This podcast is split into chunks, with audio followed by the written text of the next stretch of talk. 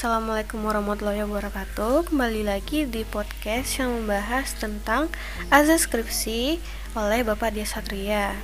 Nah selanjutnya kita akan membahas tentang chapter yang keenam yaitu MedPen atau metode penelitian Bab 3 berisikan informasi terkait metodologi penelitian yang dilakukan. Bab ini menjadi sangat penting karena terkait dengan validitas sebuah penelitian yang dilakukan. Karena validitas sebuah penelitian sangat tergantung pada pendekatan atau metode yang digunakan serta rasional atas pemilihan metode analisis yang digunakan dan tahapan atau prosedur analisis yang dilakukan. Dalam bagian ini harus dijelaskan metode dan tahapan analisis yang dilakukan untuk menjawab rumusan masalah serta bagaimana interpretasi atas hasil statistik atau ekonometrik dapat dijelaskan berdasarkan parameter-parameter yang ada. Dengan kata lain, bab 3 berisikan sebuah research protokol yang menjelaskan prosedur metode analisis yang dilakukan dalam penelitian ini. Dalam hal ini, subsection dalam bab 3 antara lain 1. Ruang lingkup penelitian.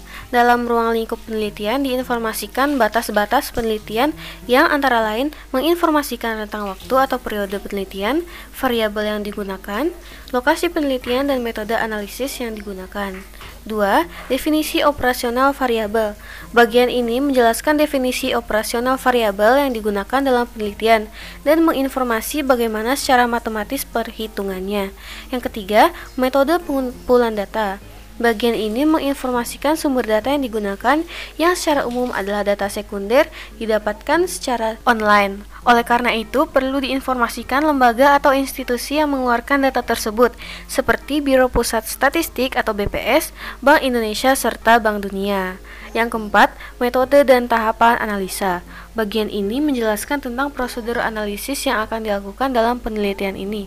Sebagai contoh, ketika dalam penelitian ini menggunakan model analisis error correction modeling, maka tahapan yang dilakukan sebelum running model ECM antara lain uji akar-akar unit, uji kointegrasi, dan uji kausalitas.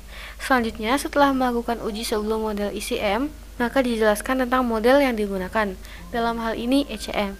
Dan selanjutnya, uji diagnosis atau uji asumsi klasik jika menggunakan model regresi berganda.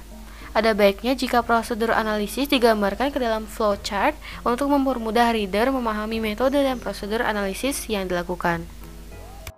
Nah, sekian dari penjelasan singkat tentang chapter yang keenam yaitu metode penelitian. Selanjutnya, di episode yang keenam kita akan membahas tentang penulisan pendahuluan. Terima kasih sudah mendengarkan. Wassalamualaikum warahmatullahi wabarakatuh.